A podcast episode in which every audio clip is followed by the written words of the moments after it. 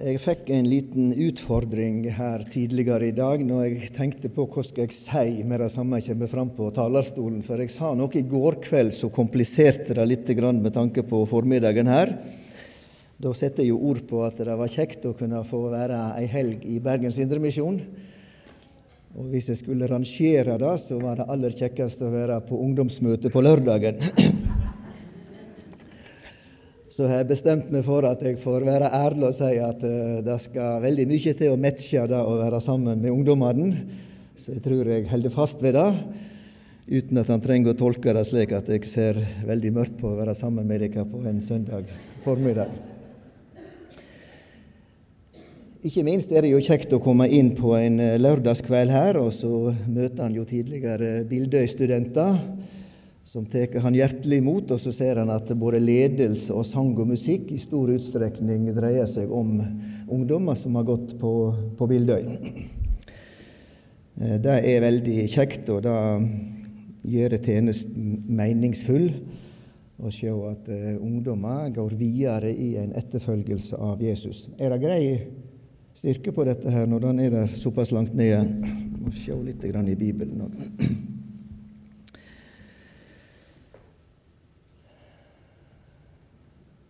Ikke alle adventstekster gir oss en uh,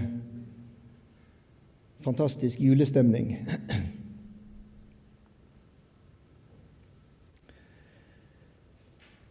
Hvis vi spør folk hva, eh, hva, er advent for noe, så vil vi jo ofte få et svar, og vi tenker slik noen hver av oss at ja, eh, det nærmer seg jul, vi venter på jul. Og det er jo sant. Men hvis du gjør oppmerksom på at advent egentlig betyr komme, så drar vi det likevel umiddelbart i samme retningen. Ja, Jesusbarnet kom. Jul. Og det er jo ikke feil. Men eh, hvis vi ser adventstekster, både preiketekster og lesetekster, under ett, gjerne over flere år, så ser vi at eh, det er et budskap som går langt utover det at nå er det snart jul, og Jesus fødes inn i vår verden. Eh, for det første så er dette komme ikke bare et fokus på Jesu første komme, men kanskje i enda større utstrekning et fokus på at han som kom, han skal komme tilbake.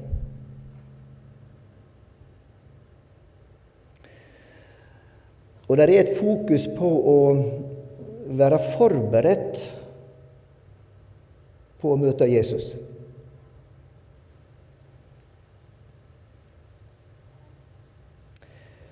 Og Når sant skal sies, så er det ganske nærgående og ransakende budskap som møter oss i førjulstiden.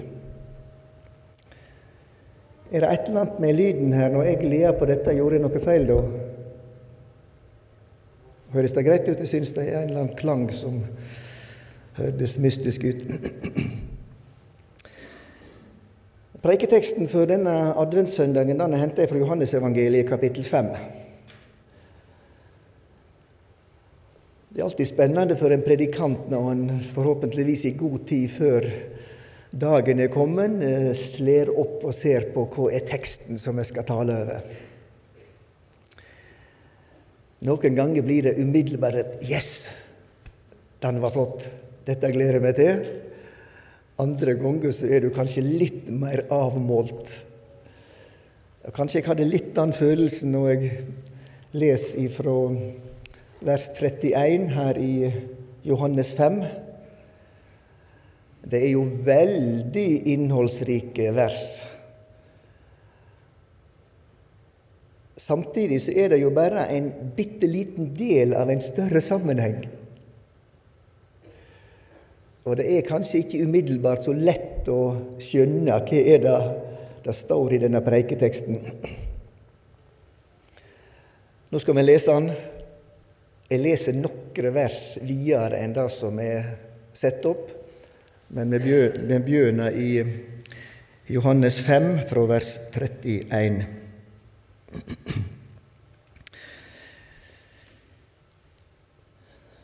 Det er Jesus som taler. Dersom jeg vitner om meg sjølv, da er ikke vitnemålet mitt sant. Det er en annen som vitner om meg, og jeg veit at det vitnemålet han gjev meg, er sant. Det har sendt båt til Johannes, altså døyperen, og han har vitna for sanninga. Ikke så at jeg tek imot vitnemål ifra et menneske, men dette sier jeg så det skal verta frelste. Han var ljoset som låga og skein, men berre så stutt ei stund ville det gleda dykk i ljoset hans. Men jeg har det vitnemålet som er større enn det Johannes gav. For de gjerningene som far min gav meg å fullføre, sjølve gjerningene som jeg gjør, vitner om meg at Faderen har sendt meg. Og Faderen som har sendt meg, han har vitna om meg. Korkje har det nokon gong hørt hans røst, eller sett Hans skapnad. Og ordet Hans har det ikke værande i dykk, for den Han har sendt, han trur det ikke. Det granskar Skriftene fordi det mener at det har evig liv i dei, og disse er det som vitner om meg. Men det vil ikke komme til meg for å få liv. Jeg tek ikke imot ære fra mennesket, men jeg kjenner dykk og veit at det ikke har kjærleiken til Gud i dykk. Herre, da var ditt ord til oss denne søndag formiddag, og vi ønsker å stille oss inn under ditt lys for at du som den levende Gud kan møte oss og tale til oss og rettlede oss og hjelpe oss på den rette og gode vegen. Hjelp meg som skal prøve å legge ut denne teksten, og hjelp hver enkelt som kom hit denne formiddagen for å være sammen med Guds folk. Amen.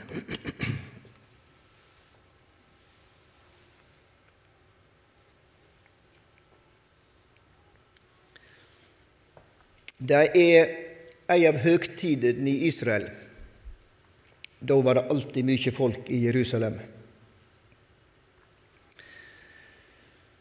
Og Starten av kapittel 5 forteller at eh, Jesus òg har dratt opp til Jerusalem. Han var jo mye i nord, i området rundt Genesaretsjøen.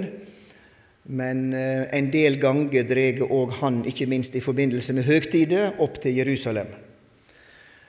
Og han har gjort et mektig helbredelsesunder ved Betestadammen, rett nord for tempelplassen. En mann som har vært sjuk i 38 år, står det. Får beskjed av Jesus ta senga di og gå. Og han står opp, tar Sikkert ikke ei store seng, da, men en eller slags liggeunderlag, i alle fall en madrass. Og så rusler han av gårde. Og da blei det bråk. Gled dykk med de glade, heter det en plass i Bibelen. Det skjedde definitivt ikke her i området ved Betestadammen.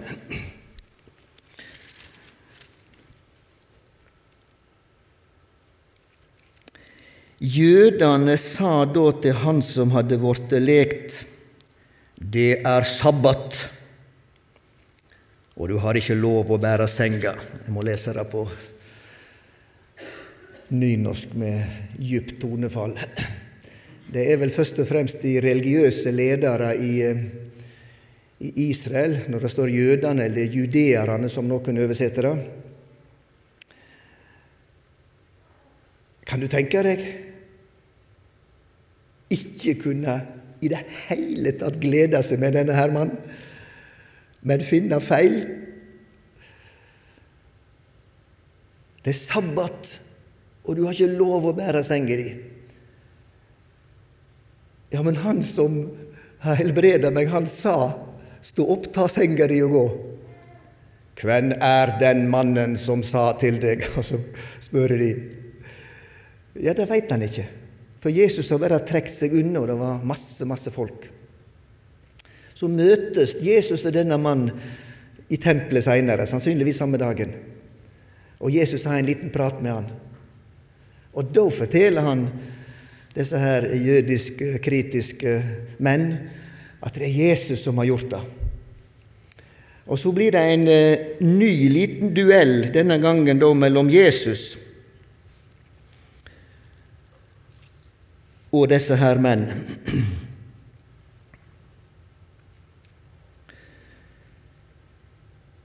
Derfor forfylde jødene Jesus av de han gjorde dette på en sabbat. Men Jesus sa til dem, Far min arbeider like til nå. Jeg òg arbeider. De sto jødene han enda mer etter livet, av de han ikke bare brøt sabbaten, men òg av de han kalla Gud sin egen far, og gjorde seg sjøl lik Gud. Og så er det at Jesus i resten av kapittelet holder en tale, og der søndagens tekst er et lite utdrag av en lengre tale. Jesus ber om bråk. Definitivt.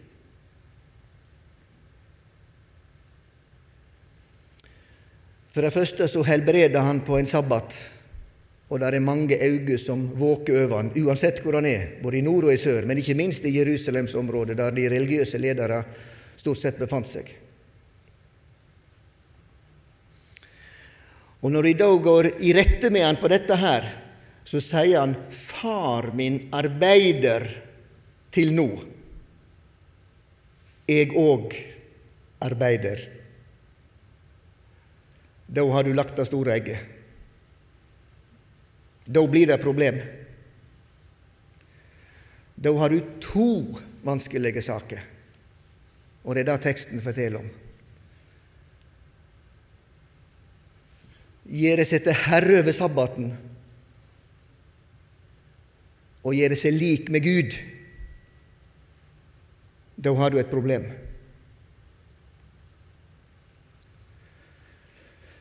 Nei, Jesus var ikke skvetten.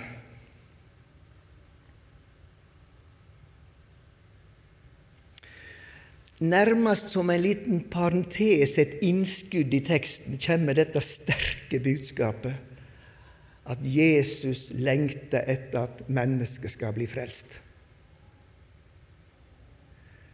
Det er sjølve saken. Mennesket må komme i livsforbindelse med sin skaper og Gud. Derfor kom han, hvis vi skal si det i et nøtteskall. Og dette stråler òg ut av denne teksten. Der er en brann, en lengsel etter at mennesket skal bli frelst. Men da må sannheten fram. Og, og der viker ikke Jesus en millimeter, uansett hva konsekvenser det får.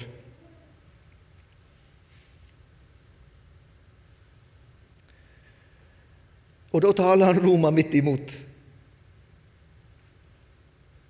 Og vi ser, Jeg leser jo noen vers mer enn fram til vers 36, som egentlig setter opp, og da, da skiner det gjennom i teksten at her er det mennesker som ikke lever med Herren. Religiøsitet, men ikke Guds liv. Religion, men ikke virkelig relasjon med den levende Gud. Og Jesus løfter sannheten inn i sitt folk, som han elsker. Så gir han dem lite grann kreditt. Det sender bud etter Johannes, altså Johannes døperen. Ja, det var jo positivt. Men så sier han noe i fortsettelsen. Han var ljoset som låga og skein, men berre så stutt ei stund ville det glede dykk i ljoset hans.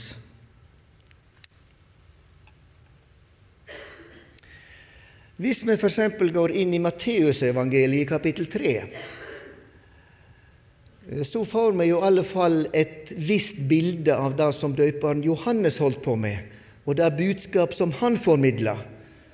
Og Jesus løfta han opp som den store personen han var. Og det sannhetsbudskap som ble forkynt av denne mannen. Skal vi ta en liten eh, kikk inn i Matteusevangeliet?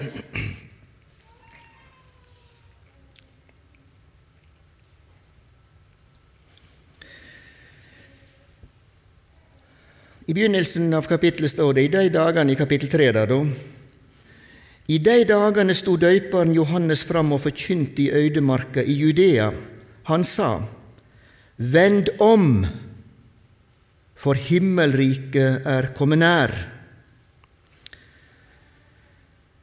Så hopper vi ned til vers 5. Da drog Jerusalem og hele Judea og landet langsmed Jordan ut til han og vart døypte av han i Jordanelva, idet de sanna syndene sine. Men da han fikk sjå mange av fariseerne og sadukerene komme til dåpen hans, sa han til dei, ormeyngel, kven lærde dykk å røma fra vreiden som skulle komme? Så ber da frukt som sømer seg for omvendinga, og tru ikke at det kan tenke slik, vi har Abraham til far. For det sier dykk, Gud kan vekke opp bord åt Abraham av disse steinene. Øksa ligg alt inn med rota av trea. Hver tre som ikke ber god frukt, blir hogget ned og kasta på elden. Og så begynner han å fokusere på han som kommer etter han, på Jesus. Og da er det kanskje enda sterkere å gå inn i Johannesevangeliet kapittel 1, der han står der med noen ungdommer og så ser han mannen ifra Nasaret kjemme gående, og så sier han, Sjå der Guds lam, som ber bort verdens synd. Ja, her har vi altså Johannes døperen sitt budskap i et nøtteskall. Og det er flere sider. Et fokus på Han som er motbildet, motstykket til alle de gammeltestamentlige forbilder. De mange, mange, mange, mange offerlam som var slakta i den jødiske gudsdyrkelsen, og utover det òg. Her er han som det hele veien har vært fokusert på. Guds lam som bærer bort verdens synd. Men denne her døyperen, han forkynte òg radikalt omvendelse i mennesket sitt liv. Hva tenker du?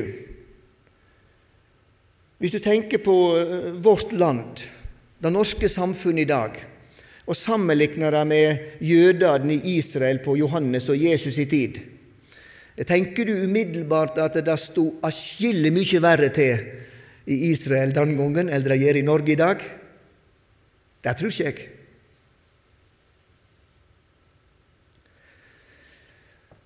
Men det var behov for at de fatta et nytt sinn. Det var behov for en kursendring, en omvendelse. Det er døperen krystallklar på. Og det er kanskje derfor at uh, disse jøder som Jesus taler med her i Johannes 5, det var ikke så veldig lenge de ville være på kloss hold av døyperen. Den lampe, det lys som døyperen var, når han vitna om det sanne lyset, Jesus. Det var ikke lenge de ville være i nærheten av den lampen. Dessverre for dem.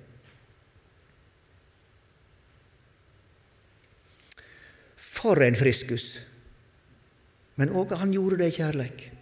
Utrusta av Guds hellige ånd. Vel forberedt til kort tjeneste. Kraftfull tjeneste. Som en magnet drog han folket ut i judeørkenen, ned imot Jordanelva og døypeplassen der.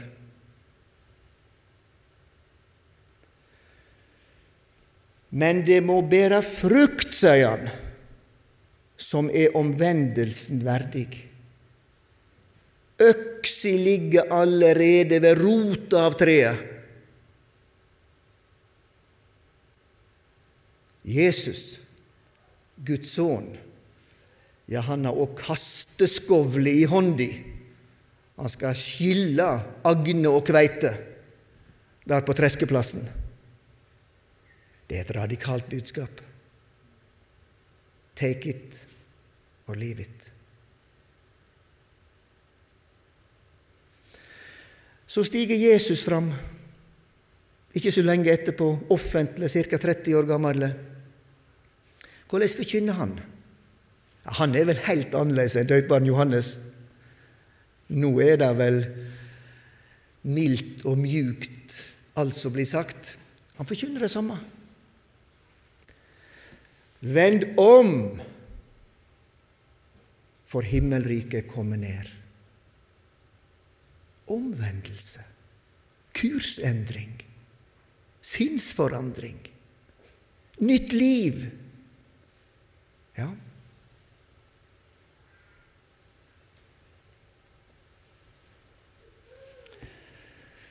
Det blei bråk. Mange tok til motbele, spesielt de mest innflytelsesrike. De som forsto seg på religion, på jødedom, på Skriftene.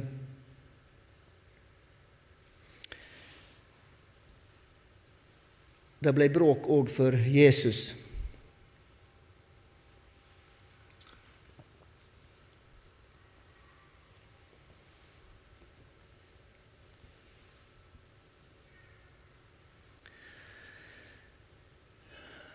Hvordan er det i våre forsamlinger og i norsk kristenliv for tiden? Forkynner med hele sannheten. Summen av ditt ord er sannhet, heter det i Salme 119. Det betyr at hvis han bare forkynner deler av Guds ord, så kan det bli virkelig skeivt, og det blir ikke sannhet.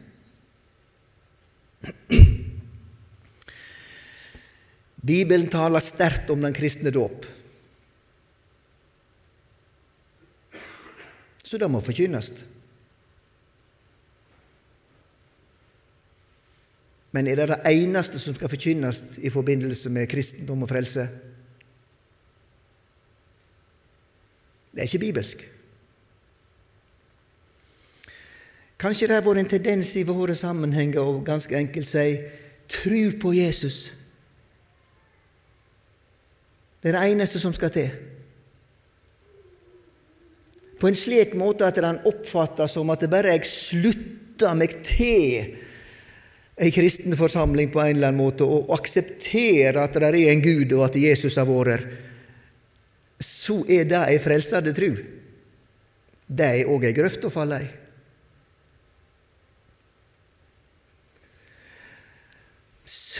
Summen av ditt ord er sannhet. Når vi ser Peter fylt av Den hellige ånd på pinsedag tale til sine jødiske landsmenn, og det stikker de i hjertet, og det reises det spørsmål hva skal vi gjøre?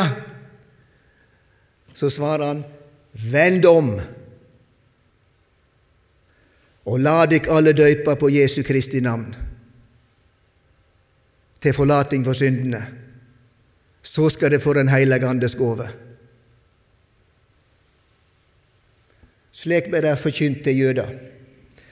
Omvendelse, tru på Herren Jesus Kristus, dåp til Jesus Kristus. Det er ikke alltid at alt er sagt i enhver sammenheng, men dette er en summen av Guds ord som fører mennesket til frelse. Og det må lye òg til oss, i vårt folk og i vårt land, og ikke bare til de ufrelste, men det må forkynnes til oss som er begynt på veien.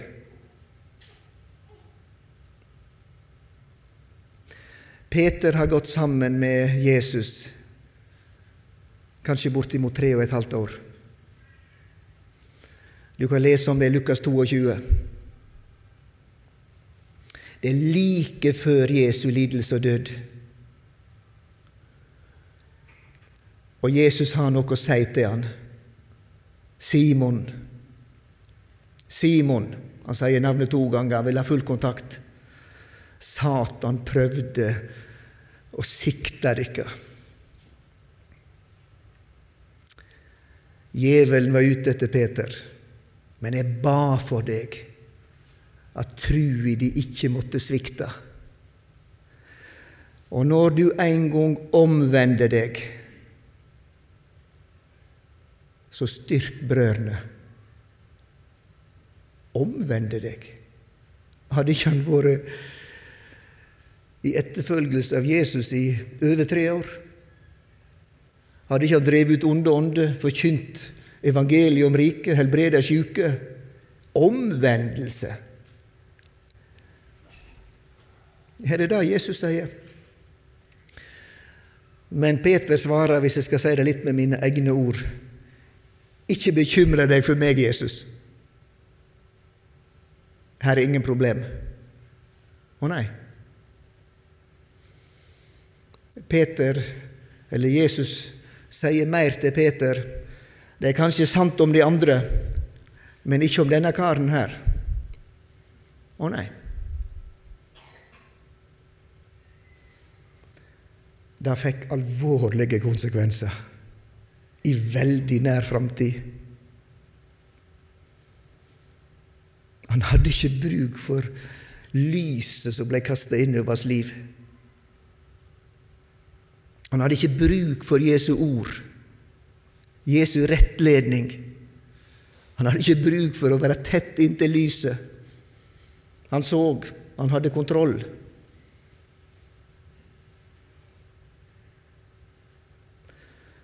Noen timer etterpå hulkegråt stakkars Peter. Ting hadde gått så feil. Det var ikke behov for omvendelse.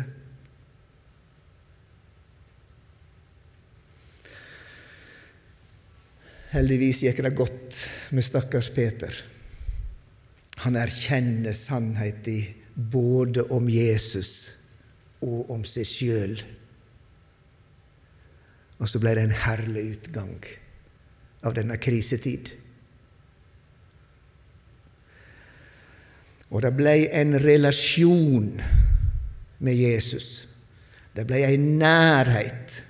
Det ble et enormt sterkt bønneliv, og sammen med andre, både menn og kvinner, leser vi apostelgjerningene. Og mektige ting skjer. Fordi han ikke bare var religiøs, men han ble en etterfølger av Jesus og levde tett på Jesus.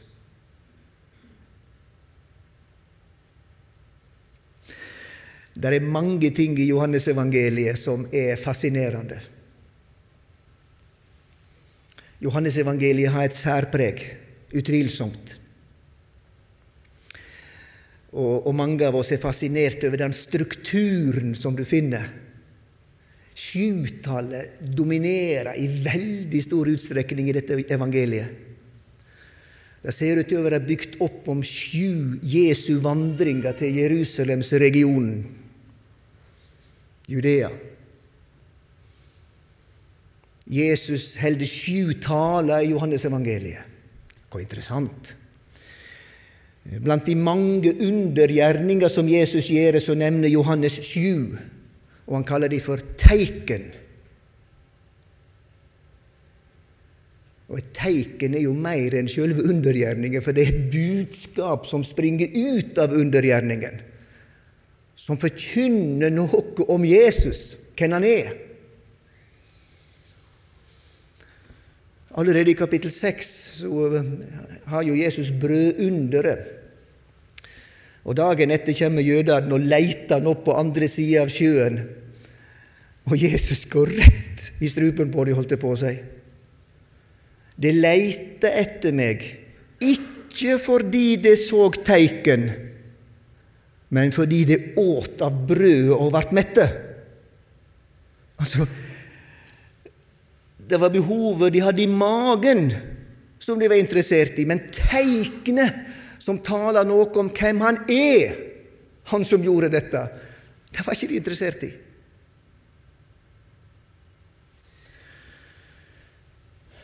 En liten parentes, dette her, da, men ikke minst disse sterke jeg er-proklamasjoner i Johannes-evangeliet, som det òg er sju av blant annet 'Jeg er livsens brød'. Og her er vi jo inne i, i kapittel fem i òg noe som er interessant for dem som liker slike ting, og som kan fascinere oss.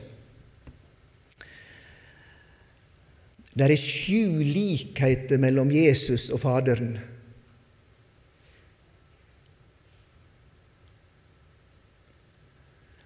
Og det er sju vitnesbyrd, eller vitneutsagn, og flere av de er sterkt inne her, om Jesu guddom.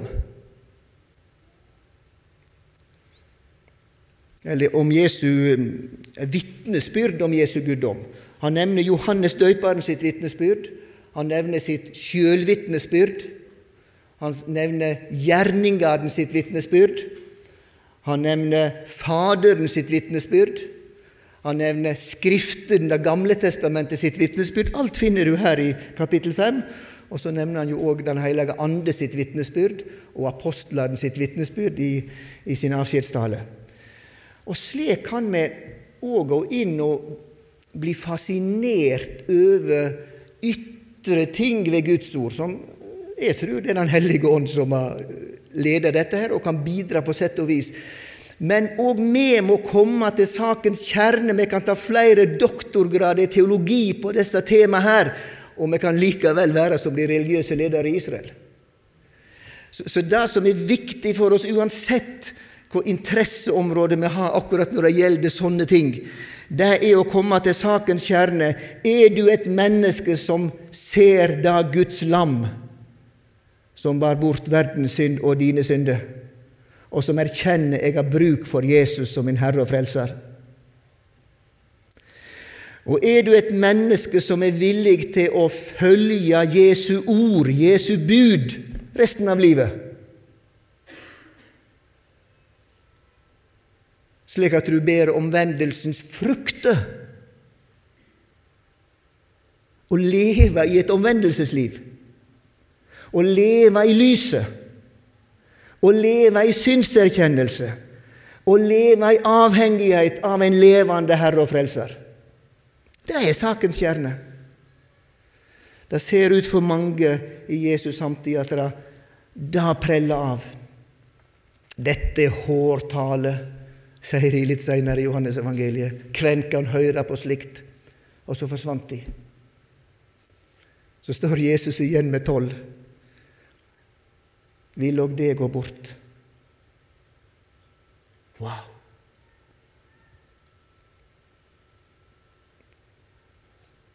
Burde ikke han prøve å sikre seg at noen var igjen? Nei. Sannheten står der. Take it or leave it. Og så får vi det flotte vitnesbyrdet av Peter. Herre, hvem skulle vi gå til? Du har det evige livs ord. Så videre. Det var ikke tegn i første og fremst han viser til undergjerningene, men Allerede der så hadde han fått smaken på noe viktig. Du har det evige livsord. Skal vi i denne førjulstid stille oss inn i lyset fra Guds ord med våre liv? Det er jo merkelig hvis ikke det er noe å bekjenne og noe å komme ut av mørket ifra i en stor forsamling som dette. Og i denne adventstid våge å gå inn i lyset ifra Han som lengter etter at vi skal bli frelst. Og få et frelst liv, og et liv i tjeneste for Han. Og et liv der vi kan bære frukt, andens frukt, kjærleik, glede fred osv. Herre, vi ber for hverandre. At vi kan velge klokt når du møter oss i ditt ord, og ikke dreg oss unna til vår egen ulykke, som mange gjorde i denne sammenhengen. Vi vil erkjenne at du er sann Gud, ett med Faderen. Og vi bekjenner at du er sant menneske, ett med oss. Og at det er nettopp en sånn frelser vi er helt avhengig av. Og vi vil gi akt på deg, både som den apostel og øversteprest du er den som er utsendt ifra Gud og ett med Gud, og den som ble ett med oss og på vegne av oss gikk inn og forsone oss med Gud. Hjelp oss, Herre, i den tid vi lever i, den endetid som vi tror det er, og velge å bli i ditt lys, og ikke bare høre ordet, men velge å gjøre etter det ved din nåde. Amen.